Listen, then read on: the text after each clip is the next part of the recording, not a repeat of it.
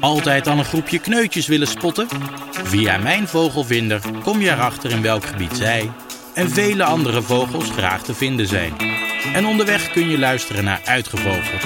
Een podcast waarin ik op zoek ga naar zowel de etymologische als de fabelachtige waarheid achter een vogelnaam. Van slechte valken tot huiselijke mussen. Met vandaag het verhaal achter de lievelingsvogel van Hans Dorrestein, de kneu.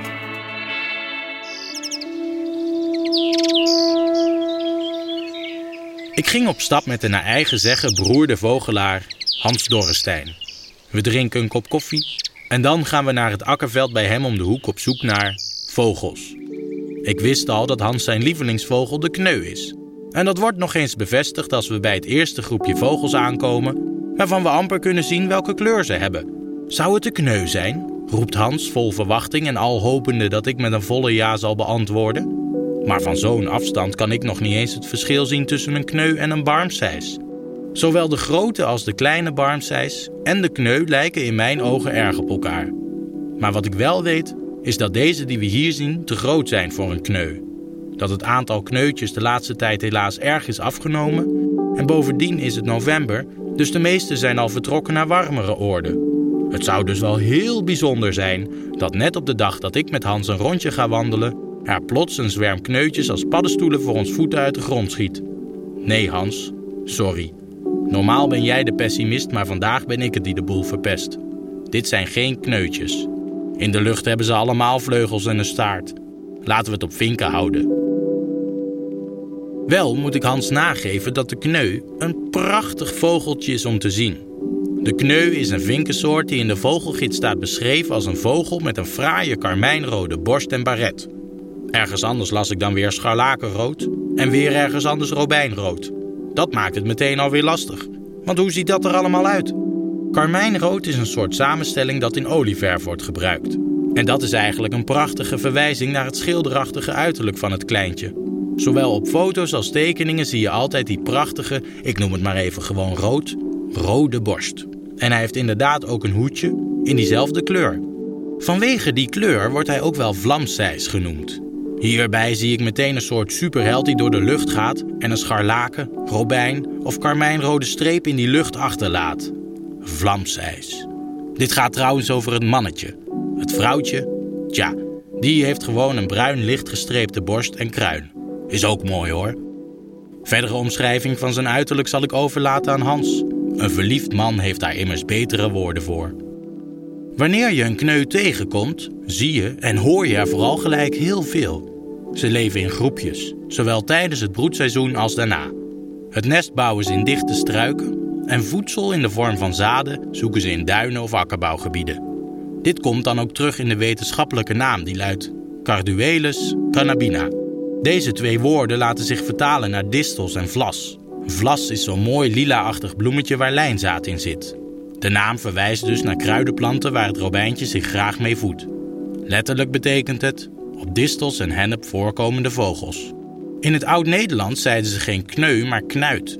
Dit werd dus later kneu en is beide afgeleid van kneuteren, wat je weer door kunt vertalen naar kwetteren. Dit slaat op het geluid van de vogel. Eigenlijk is de kneu dus een klanknabootsende naam.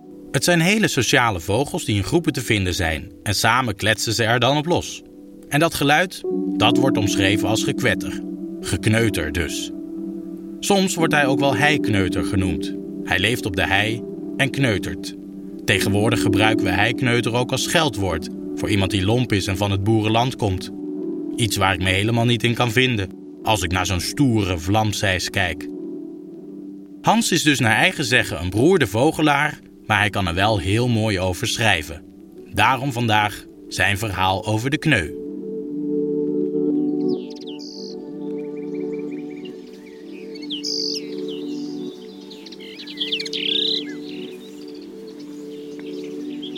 Hans, leuk. Hoi. Hoi.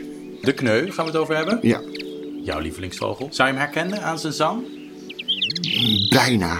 Ja? Jawel, ik heb dit echt een buitengewoon zoet geluid. Dus ik, ik, ik, ik begrijp het hele kwetteren niet hoor.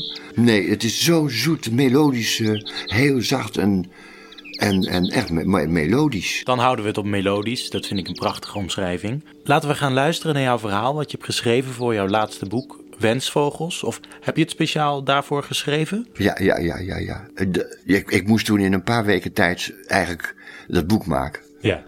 Dus eh, ja, dan, toen dook ik ook maar weer op de, op de kneu. Want dat blijft, die blijft me intrigeren. Ik weet, en ik weet het ook niet waarom. Ik denk dat we dat wel gaan horen in je verhaal, dus laten we gaan luisteren. Oké. Een niet nader te noemen medevogelaar vond mijn voorliefde voor de kneu bijna hysterisch. Ik begreep me heel goed, maar ik zei: Verliefdheid, dat weet jij niet, Simon, heeft altijd iets hysterisch. Als je verliefd bent, dalen je kritische vermogens tot onder het nulpunt. Ik heb nog nooit goed kunnen uitleggen waarom ik zo dol ben op uitgerekende kneu. Neem nou bijvoorbeeld alleen al die twee rode kleurtjes op zijn borst en op zijn voorhoofd.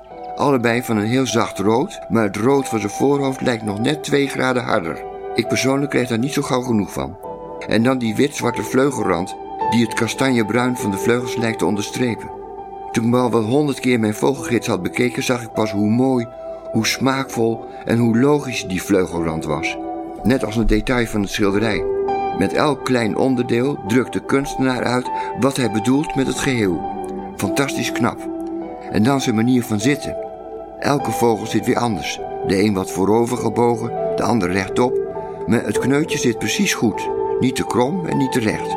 En kijk naar het voorzichtig aangebrachte patroon op zijn borst. Je ziet in het prachtige rood, maar ook in dat vederlichte bruin en in het wit een soort schubjes. Hele zachte schubben, onbegrijpelijk. Waar haalt hij het vandaan? Dat denk ik ook vaak bij een mooie schilderij. Waar haalt de schilder het vandaan? Uit pure bewondering. Ik kan zo hevig bewonderen dat ik mezelf haast verlies. Die schubjes maken de kneu extra spannend. Nog iets moois. Nico, Nico de Haan, vertelde me dat dit schubbenpatroon wat later komt, als de vogel wat ouder is. Het is een soort slijtage. Hiermee is het meteen het allermooiste verouderingsproces in de wereld.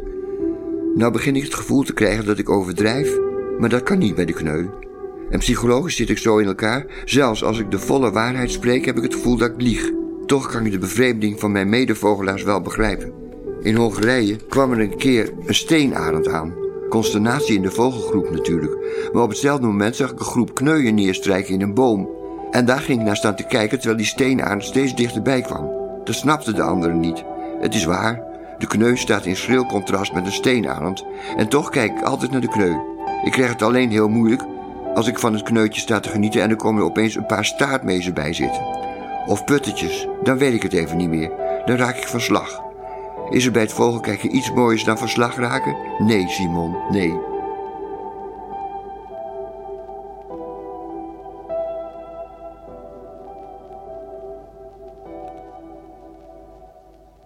Dankjewel. Ik weet dat het eigenlijk niet mag, maar de motor van dit verhaal is toch wel een beetje die niet nader genoemde medevogelaar. Oh, die, die, mij, eh, die mijn liefde voor de kneu Ja. bijna hysterisch noemde. Ja. Ja. Ja, dat hoort eigenlijk helemaal niet de zaak. Maar dat vind ik zelf namelijk erg leuk. Dat was Nico de Haan. De grote Nico de Haan. En wij, wij bij dat programma, het Baatman, die staat, zaten we elkaar altijd te pesten. Ja. Dat, dus, maar hij noemde die, die liefde voor de... Ik kan het wel begrijpen, maar elke keer als hij met andere vogels en ik zag toevallig een kneu en ik wilde elke keer ook een kneu zien. En nou, op een gegeven moment werd hem, hem te veel... en toen noemde hij mijn liefde voor de kneu bijna hysterisch. Heb je hem wel gezien toen? Heeft hij wel voor een kneu gezorgd? Ja, Ja? in, ik weet het nog, ook nog precies. Op de Waddeneilanden, ik geloof op Ameland. Daar, en daar zat hij zoveel. En elke keer als hij op- begon over, over lepelaars en zo, dan ging weer naar die kneu als die er zat. Zullen we eindigen met een gedicht, Hans? Ja, waarom niet? Rotgans, rotgans, rotgans. Linot melodieus is kneu op zijn Frans. Perfect. Genoeg uitgevogeld voor vandaag. Muzikant Jeroen van den Ham en ik, Quincy van Driesten. En ik? Ja, oh en Hans, wensen je heel veel plezier bij het herkennen van vogels. Wil je meer vinkachtige ontdekken zoals de keep, kruisbek of het puttetje? Ga dan op avontuur in Mijn Vogelvinder.